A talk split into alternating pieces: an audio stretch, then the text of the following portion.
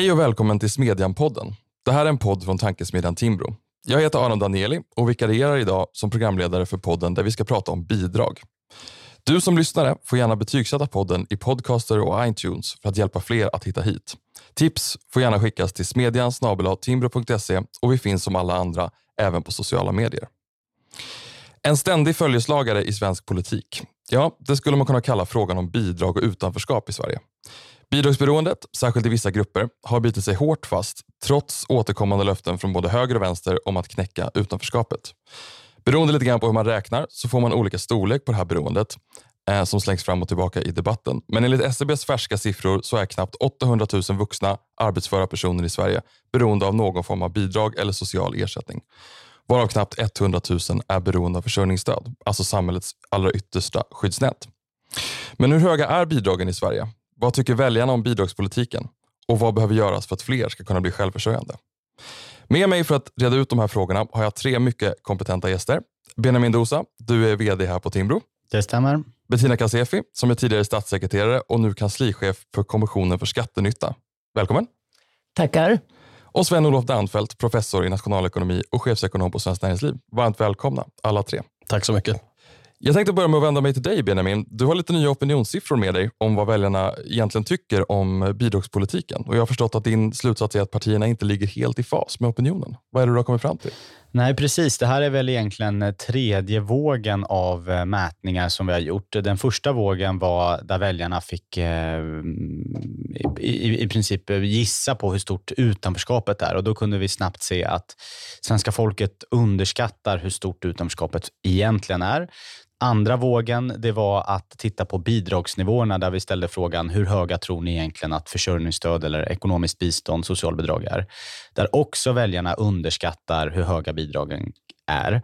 Och tredje fasen nu, det är att titta på de förslag, reformer som man kan göra för att helt enkelt motverka utanförskapet, alltså tuffare, stramare bidragspolitik.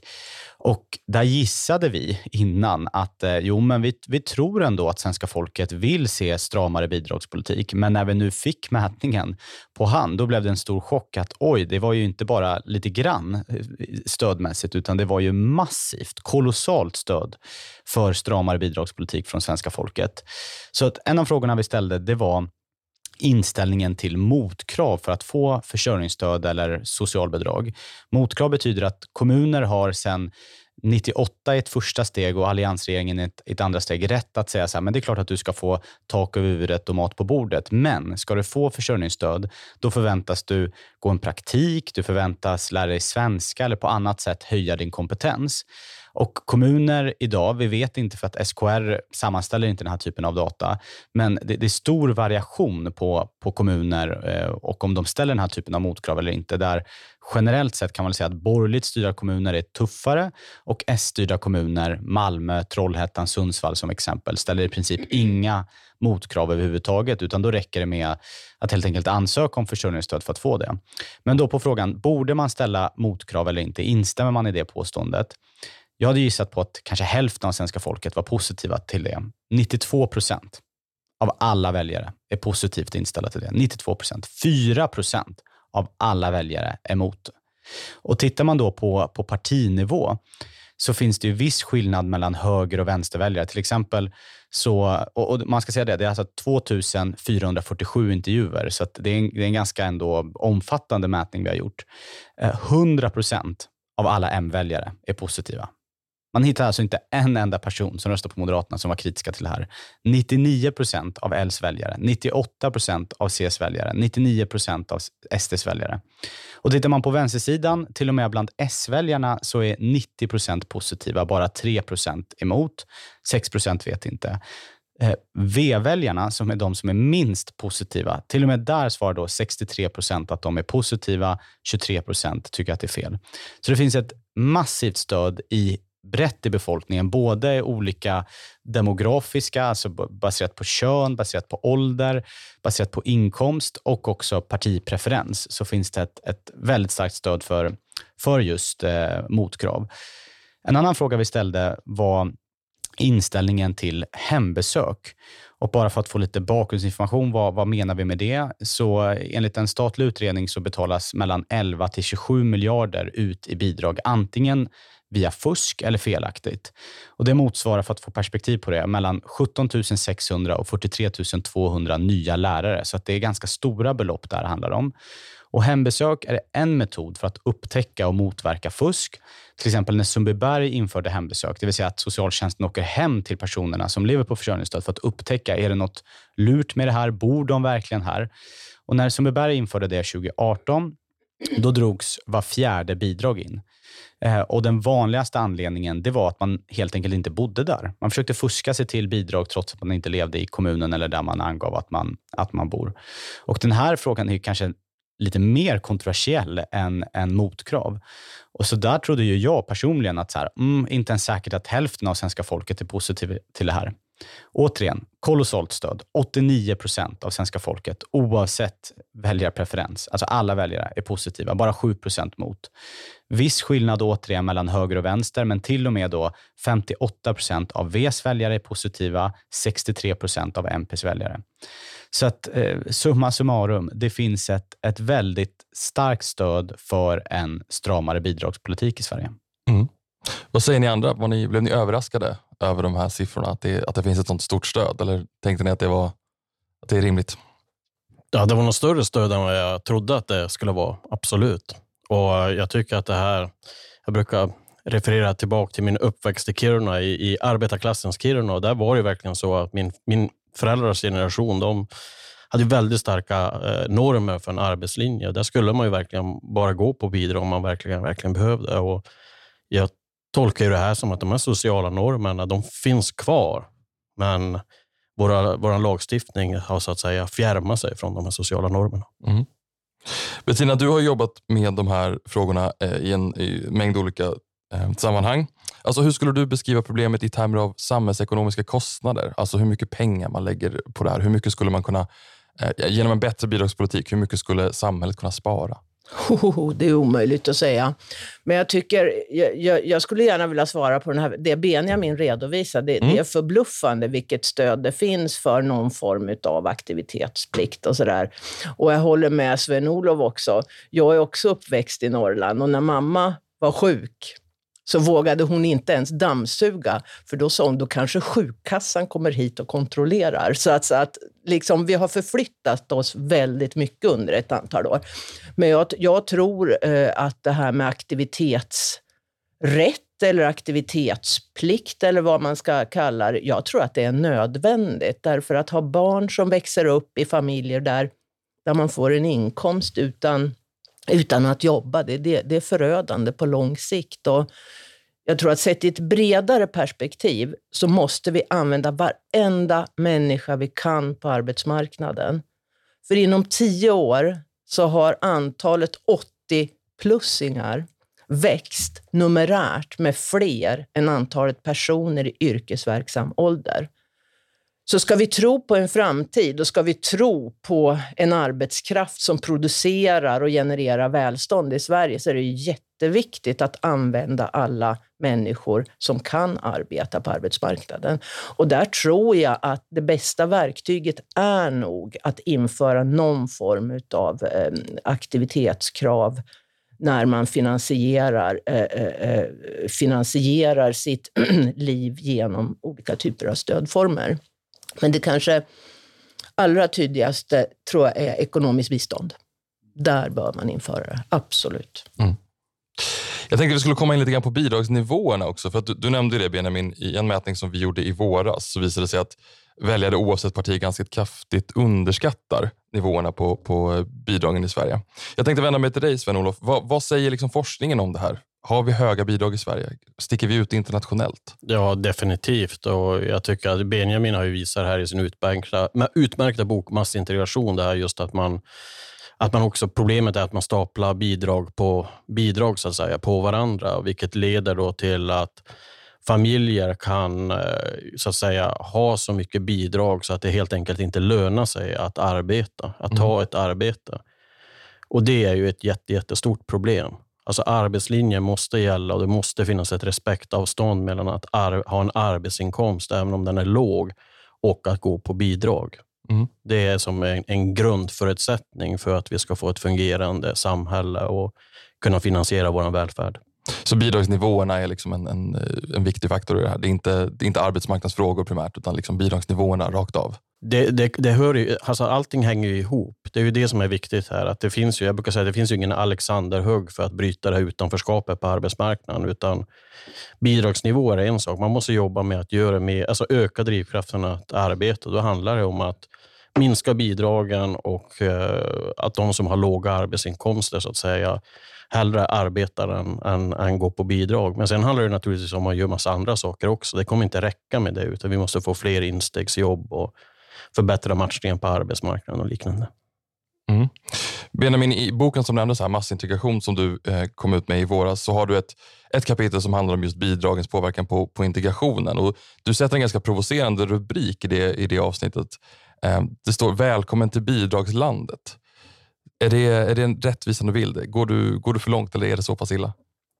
Nej, jag menar ju att det är en, en rättvisande bild och mycket beror ju på de, det som kallas för marginaleffekter. Alltså att ofta när man målar upp en bild av att här har vi en, två föräldrar och två tonårsbarn till exempel. Och om båda föräldrarna samtidigt börjar jobba, ja men då tjänar de typ 10 000 kronor mer i månaden. Men det är ju ganska sällan så det ser ut. Utan har man kommit till Sverige, bott här några månader, lever på ekonomiskt bistånd, eh, då kan det ju vara så att en av föräldrarna kanske börjar jobba deltid. Det är nog en, en, en rimligare förhoppning och det är ju fantastiskt. Det är mycket bättre att man jobbar 20 timmar i, i veckan på Stadium men inte jobbar där överhuvudtaget. Och då räknas den pengen av från bidraget krona för krona.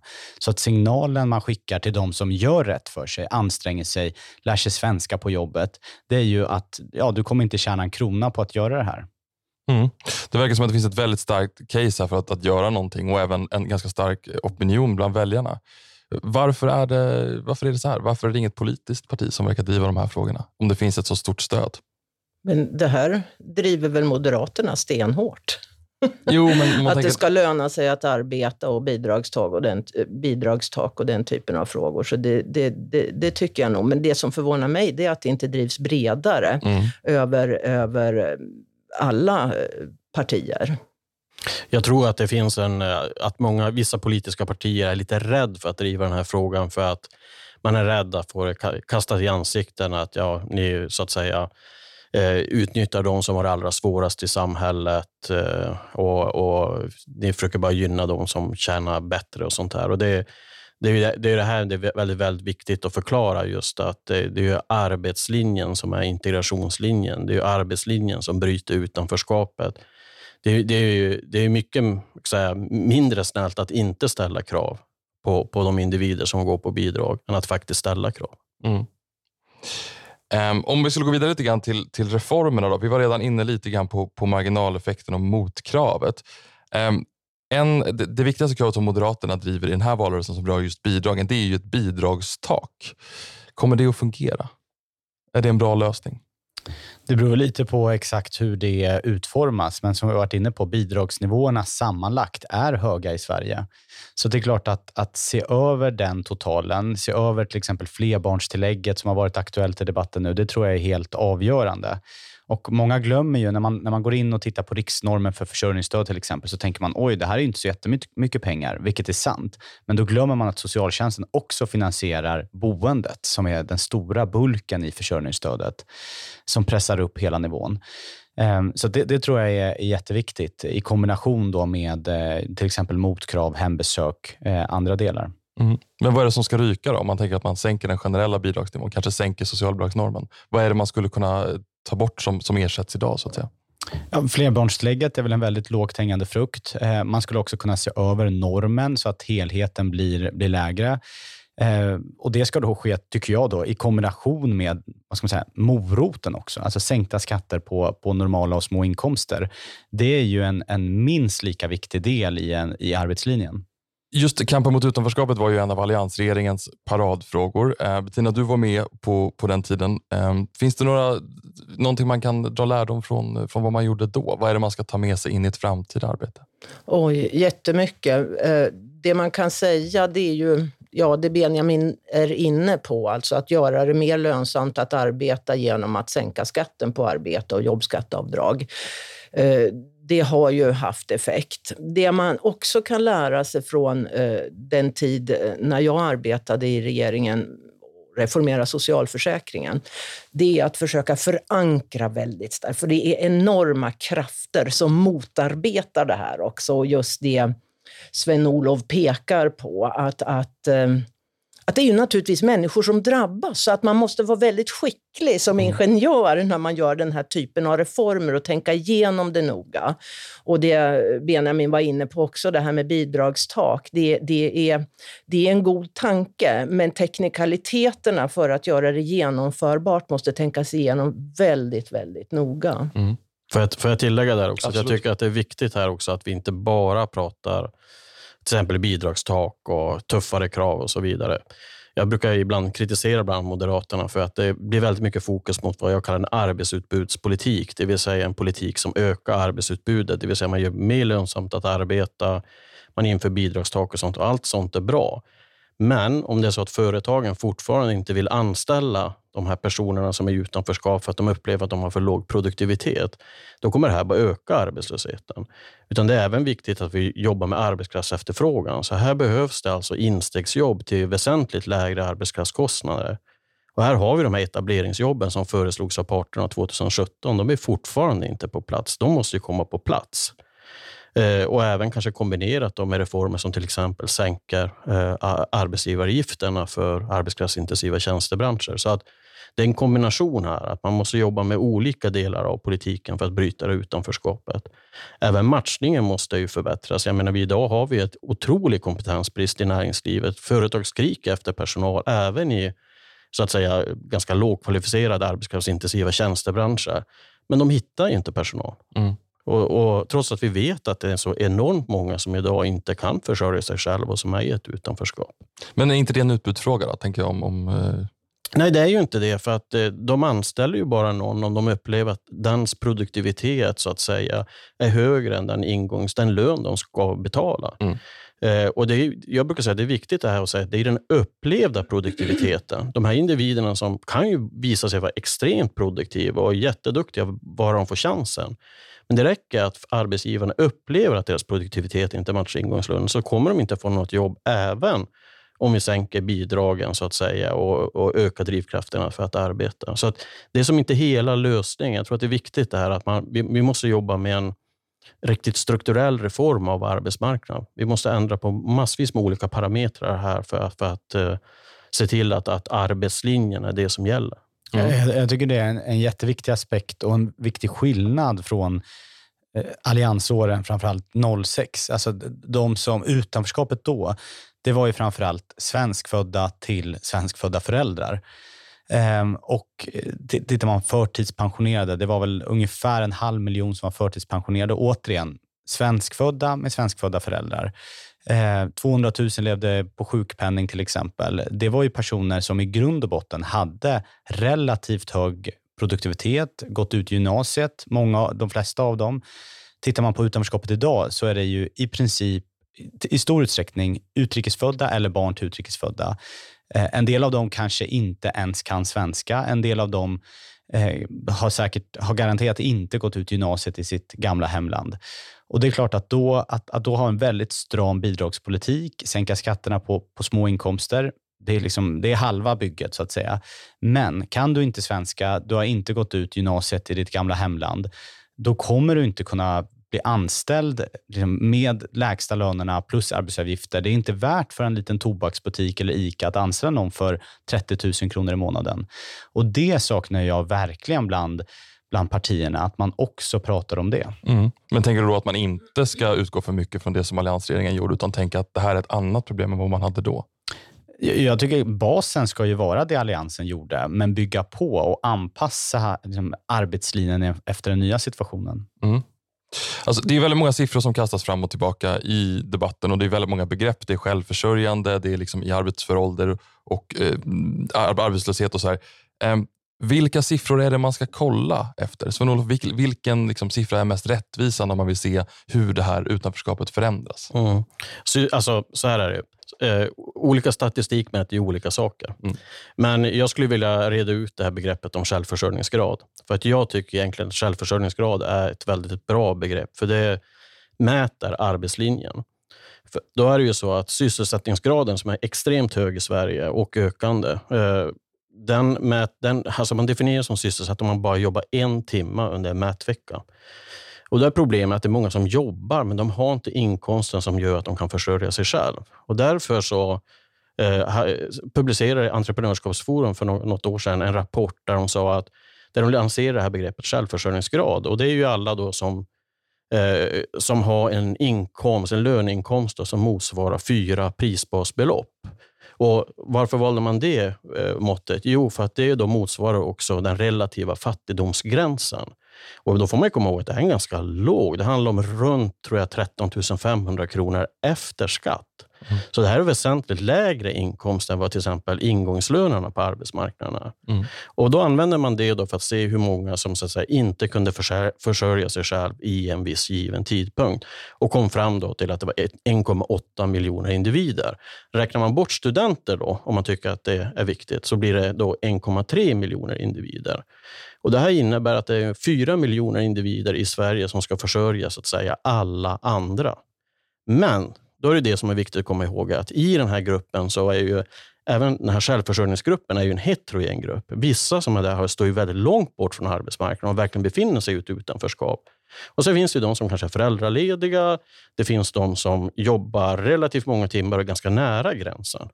Men det man ska komma ihåg är att en stor del av gruppen som är, inte är självförsörjande, de är det år efter år efter år. Vi har tagit fram siffror som visar att sex av tio som är i gruppen eh, inte självförsörjande, kommer att vara inte självförsörjande efter fem år. Så att det finns en stor, så att säga, eh, kvarvarande grupp där som, som inte riktigt, aldrig klarar av att försörja sig själv. Och så finns det jättestora skillnader mellan utrikesfödda och inrikesfödda, mellan folk med olika utbildningsnivåer och bland olika geografiska och, eh, områden. Så till exempel så tog de ju fram Entreprenörskapsforum och räknade att efter 20 år i Sverige så är det bara hälften av alla som bor, som bor i ett utanförskapsområde som kan definieras som självförsörjande. Bland utrikesfödda generellt från Afrika och Asien så är det 12 till 13 år. Och generellt sett, så eh, är, om man jämför som vanligt så att säga, med alla, då är det 4 till 5 år. Så det är jättestora skillnader mellan olika grupper. och jag tror att det här, är, det här, det här är ett bra begrepp att titta på för att kunna säga att vi behöver så många som möjligt i varje tidpunkt som kan försörja sig själv. Det är ju det arbetslinjen egentligen handlar om. Mm. Men utrikesfödda är kraftigt överrepresenterade, verkar som, på de där siffrorna? Utrikesfödda är kraftigt överrepresenterade och, och, även så att säga lågutbildade. Det är ju de två stora grupperna. Och Sen mm. så är ju problemet än större om vi tittar på de som bor i det som, som polisen då definierar som särskilt utsatta områden. Så att det, det finns eh, stora, det är ju det som också gör att arbetsmarknaden är så tudelad idag. Det är grupper idag på arbetsmarknaden som är ganska så att säga, väldefinierade utrikesfödda och lågutbildade som, som aldrig riktigt kommer in på arbetsmarknaden. Och det här sliter ju sönder Sverige, sliter ju sönder samhället. Det är därför det är så viktigt att fokusera på det här. Eh, det sägs att vi får ett, ett plånboksval eh, här framöver. Jag var inne och kollade lite grann på Sifos sista spurtanalys häromdagen. Och de pekade på att frågor som är kopplade till just ekonomi, statens finanser och privatekonomi är de som går snabbast, snabbast framåt här sista veckan, inför, eller sista veckan inför valet. Uppmärksammar vi det här tillräckligt mycket? Moderaterna verkar vara väldigt pigga på att prata om bidrag, men det är inte så många andra som gör det. Finns det liksom en potential här för partierna om de vill ta en sista, försöka med ett sista, ett sista ryck? Det skulle jag definitivt säga. Alltså jag hade önskat att den här valrörelsen var ett utanförskapsval, där i princip allt handlade om det. För vi vet ju också, forskningen är ju glasklar, både i Sverige men också internationellt, att långvarigt bidragsberoende, ett, riskerar att gå i arv till barnen. Två, leder till sämre skolresultat. Eh, tre, man psykiskt mår sämre. Och, och fyra, leder till ökad brottslighet. Så, att så här, utanförskapet är ju det som, som tär allra mest på Sverige just nu. Påverkar Sveriges ekonomi, pensionssystemet, brottsligheten och allt vad vi ser. Så jag hade önskat att, att valrörelsen var ett utpräglat utanförskapsval med alla aspekter av det som, som det innebär. Skolan, bidragsberoende, brottslighet. Mm. Men så det är lite spretigt. Våra mätningar visar ju dessutom att det finns en väldigt stor potential bland väljare att att eh, Eh, eller bland partierna, att vinna väljare över blockgränsen också, ifall man pratade mer om bidragsfrågor. Mm. Jag skulle också vilja säga här att jag tror att det här med plånboksfrågor kommer att bli väldigt, väldigt stort i det valet av en annan anledning också. Det är ju den höga inflationen och de, de skenande elpriserna. Så att det gör att det här kommer att bli ett plånboksval. Men det finns ju en risk med det också. Det är ju lite grann att den här utanförskapsfrågan hamnar lite grann i skymundan. För att det som eh, nu när vi har släppt vår senaste konjunkturbedömning så är det ju väldigt tydligt vad... Eh, jag vill prata lite grann om strukturproblemen på arbetsmarknaden, men det man alla journalister vill veta och det som väcker uppmärksamhet är ju ja, men vad är effekten av de här skenande elpriserna? Vad ska vi göra åt elmarknadsförsörjningen? Och det är ett gigantiskt problem. Men eh, utanförskapsproblemet är också ett gigantiskt problem. Mm. Finns det något vallöfte som, som ni saknar? Vi har pratat lite grann om bidragstak, vi har pratat om, om hembesök som det verkar finnas ett väldigt stort stöd till och som i alla fall Moderaterna driver. Eh, och vi har pratat om, eh, om eh, krav på motprestation. Finns det något bidragsrelaterat som ni saknar? Finns det något, något, något vallöfte ni har gått och tänkt på att det här skulle, skulle man kunna lansera på bidragsområdet? Nej, jag, jag, jag tror att det enda absolut viktigaste är just det här med motkrav för rätt att, mm. att få en försörjning. Det tror jag är jätteviktigt. Och det är väldigt viktigt också därför att du har stora marginaleffekter som vi har hört här idag i bidragssystemen. Och det betyder att eh, nästan aldrig blir lönsamt att ta ett jobb. Samtidigt, ett annat verktyg för att få fler i arbete, som Sven-Olof pekade på, det är att försöka eh, hitta möjligheter till introduktionsjobb till lägre lön. Men det där talar ju emot varandra, så, så att därför är kontrollfunktionen jätteviktig och du ska inte ha rätt att få stöd från våra gemensamma resurser om du heller inte bidrar. Så det, det, det tror jag är jätteviktigt. Men för att komma tillbaka till det här du nämnde om plånboksfrågor, alltså det, det blir ju viktigare och viktigare för varje dag som går. Mm. Så kombinationen elpriser och inte minst eh, den ökade räntan för de högt belånade hushållen, alltså, jag tror den kommer att toppa. Och den verk, det verkar gå åt det hållet. Och det, det man inte hör så mycket om det är vilka konsekvenser det får för hushållsekonomin. Vi har räknat lite i Kommissionen för skattenytta vad det faktiskt innebär för olika typer av hushåll. Mm. Och för ett normal, ett, ett pensionärspar med genomsnittlig pensionsinkomst som bor i villa i södra Sverige, de kommer att gå med underskott varje månad. Hur löser man det? Hur adresserar man det? Och det jag saknar, man, det är ju överbudspolitik i hur man på mm. kort sikt vill kompensera för de höjda elpriserna, men jag har inte hört någon strategi på hur vi långsiktigt ska lösa elförsörjningen i Sverige med alla gröna investeringar som ska göras i norr. Vi kommer att ha ett behov inom ett antal år att fördubbla produktionen av el. Va? Kommer att gå upp till 300, terawatt, 300 000 terawattimmar från 150 idag. Så att den fråga, jag saknar verkligen ett strategiskt tänkande kring hur vi ska klara samhällets elförsörjning. Mm, jag, jag, jag, kan fylla i här. Jag, jag tycker verkligen att eh, ett stort problem nu är att det blir någon form av kompensationspolitik hela tiden. Det blir extremt kortsiktigt och man försöker övertrumfa varandra med olika typer av mer eller mindre eh, lösningar som är lika varandra. När det vi behöver är ju att man, de politiska partierna faktiskt sätter sig ner och försöker hitta långsiktiga lösningar som är bra för Sverige. Där man adresserar, så att säga, man genomför strukturreformer så att man, man adresserar det här med att, så att säga, öka drivkraften att arbeta, men kombinerar det då med, med instegsjobb. Och här är det viktigt att säga att det kan ju låta som att de här instegsjobben som vi har tjatat om här, att det blir ett problem för då blir bidragen så att säga högre än de Men mm. det blir inte det. För att de här etableringsjobben som vi har med parterna, där kommer staten att skjuta till en subvention så att den som har ett etableringsjobb får motsvarande en ingångslön. Så att det här är egentligen en ganska fiffig utformning för att, så att säga, komma till rätta med, med det här problemet, så man inte får, får de här marginaleffekterna som, som Benjamin också pratade om. Men, men jag, jag delar väldigt mycket Bettinas äh, att vi måste ha lite mer långsiktigt tänk och mm. genomföra mm. strukturreformer som är bra för Sverige. Och gärna breda reformer också, så att de håller över val. Alltså det är ju så med till exempel med företag. och så här, man, man, man vill ju ha stabila spelregler. Det är inte det här äh, kompensation hit och kompensation dit. Det, det, det funkar inte. Mm. Eh, Hanne Kjöller som har skrivit ganska mycket om det här med, med välfärdsförmåner. Jag tyckte hon gjorde en ganska intressant eh, spaning vad gäller möjligheten att, att just få till de här systemförändrande eh, reformerna. Hon pratar om att vi har byggt upp att vi har ett väldigt tillitsbaserat tänk när det kommer till bidrag i Sverige och pekar på att det, det är kanske det största problemet att få till stånd en strukturell förändring kring hur man tänker på, på myndigheter. Att det kommer finnas ett väldigt stort motstånd mm. att gå över från det här tillitstillståndet till ett kontrollbaserat system. Hur, hur tänker ni kring liksom, Kommer, kommer svenska myndigheter att behöva... Hur, hur ska man få igenom den, den mentalitetsförändringen? Finns det någonting man kan göra där? Eh, det är lagstiftning. För övrigt så tycker jag att Hanne Kjöllers bok eh, kring eh, bidragsbedrägerier och fusk var en utomordentligt intressant bok och gav en inblick i vad det fifflas. Mm. Jag tror att en jätteviktig eh, aspekt för att komma till rätta med det, det är ju, det är ju kontrollfunktionen och det här med sekretessbrytning mellan myndigheter. Och där behöver ju lagstiftaren gå in. Mm. En annan variant som vi har diskuterat lite, man skulle ju kunna tänka sig att individen för ett rätt till en ersättning från ett system skriver på att man tillåter en samkörning mellan olika myndigheter, inte minst Skatteverket. Socialtjänsten, Skatteverket, Arbetsförmedlingen, Försäkringskassan. Det tror jag mm. skulle vara en väg framåt som kan vara viktig.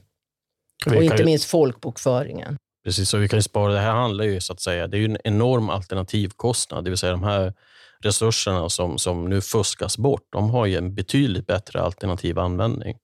Så det här är ju också väldigt viktigt för samhället att vi kommer till rätta med det här.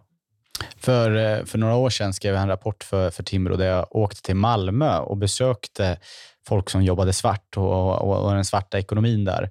Och Malmö är ju en av de kommuner som inte har skarpa krav på motkrav. Så att, eh, motkrav är, liksom, det är jättebra för incitament att söka och ta jobb, men det är också ett sätt att motverka svartarbete. Mm. Då intervjuade jag en taxiförare som Delvis så klockade han bara in några resor per dag som, som, som vita taxiresor. Eh, resten jobbade han svart som taxiförare och levde på försörjningsstöd parallellt. Och Det blev ju väldigt stora summor varje månad. Jag tror om det var 40-45 000 eh, svart och med bidrag. Mm. Och du betalar ju ingen skatt på bidrag. Så att netto så levde han ett väldigt, väldigt bra liv. Mm. Eh, och eh, Eh, jag kommer ihåg jag skrev om det för några år sedan också, att värderingarna och normerna i Sverige, alltså, det finns flera mätningar som visar att så här, eh, är det rätt att ta bidrag som man egentligen inte har rätt till? Eller fel att ta bidrag som man egentligen inte har rätt till? Eh, för typ 30-40 år sedan så svarade i princip alla svenskar, nej det borde man inte göra. Alla kanske inte höll sig till det, men det fanns en starka normer som vi var inne på i, i början av av, av det här eh, poddsamtalet. Eh, och, och, det håller ju nu på, på att sjunka kraftigt. Eh, framförallt bland unga också. Så det här det är en, en värderings och normförskjutning som offentliga Sverige måste anpassa sig efter. Mm. Man, måste behöva, man behöver fler kontrollfunktioner helt enkelt. Absolut. Mm. Eh, podden börjar röra sig mot sitt slut, men jag har en sista fråga till er alla tre. Och Det är egentligen hur, hur det ser ut framöver. Kommer nästa regering att kunna bryta den här utvecklingen? Hur positiva är ni? Ser det ljust ut? Det beror på vilka som sitter i regering. Nej, men tittar man på, om man tar sida för sida, man får inte säga block längre, men, men tar man högersidan så skulle jag säga att eh, M, L, KD med lite olika ingångsvärden har kommit lite olika långt. Alltså Liberalerna med hela sitt förortspaket med väldigt många olika förslag som är bra. De har ju också stark trovärdighet i skolfrågan till exempel, som i princip inget annat parti har. Det i kombination då med Moderaternas liksom DNA, arbetslinje, stram bidragspolitik i kombination med KD som har drivit, eh, drivit ganska offensiva förslag om, om lägre ingångslöner. Det kan bli ganska bra. SD har ju dessutom svängt i många av de här frågorna. De är ju mycket mer eh, stram, liksom mycket mer för stram bidragspolitik idag än för bara fem sex år sedan. Um, så att om, om man tar det bästa av alla partier uh, och inte det sämsta, då kan det väl bli helt okej okay och jag tror att riktningen blir ändå stramare. Så. Om man tittar på andra sidan så är det ju väldigt, väldigt spretigt och svårt att bedöma vad som, är, liksom, vad som kan bli verklighet och inte. S har ju varit ute de senaste månaderna och pratat om man kanske ska se över flerbarnstillägget till exempel, men man har ingen skarp policy för att göra det och när det ska genomföras. MP och V motsätter sig det skarpt. När vi skickade ut en enkät till alla partier här för någon vecka sedan, så V vill ju till och med höja riksnormen för försörjningsstöd. Mm. Så det, det, är väl det att så här, man, man vet inte riktigt vad som kommer hända på, på vänstersidan. Och till exempel i, i just den här enkäten som vi skickade ut, Centerpartiet som ändå har varit inne och, och, och, nosat på några intressanta förslag. Till exempel att man ska öka kvalificeringen in i olika socialförsäkringssystem. Det tycker jag är jättebra.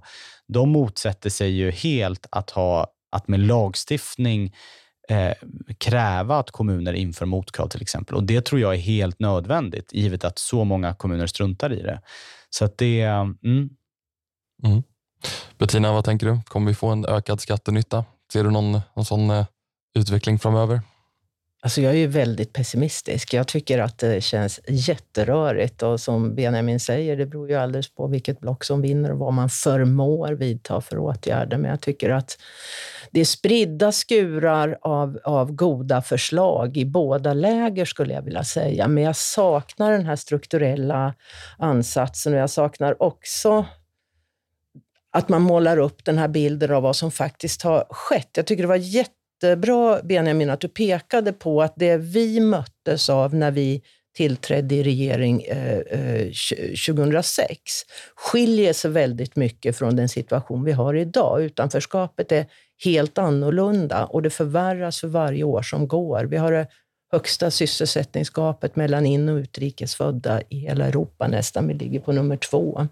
Och tittar man på långtidsutanförskapet eller långtidsarbetslösheten så har linjerna korsat varandra. Svenskfödda personer är i allt mindre utsträckning mm, långtidsarbetslösa och, och har lång, försörjning lång tid via bidrag, medan antalet utrikesfödda som är långtidsarbetslösa eller utanför under långa perioder ökar väldigt dramatiskt.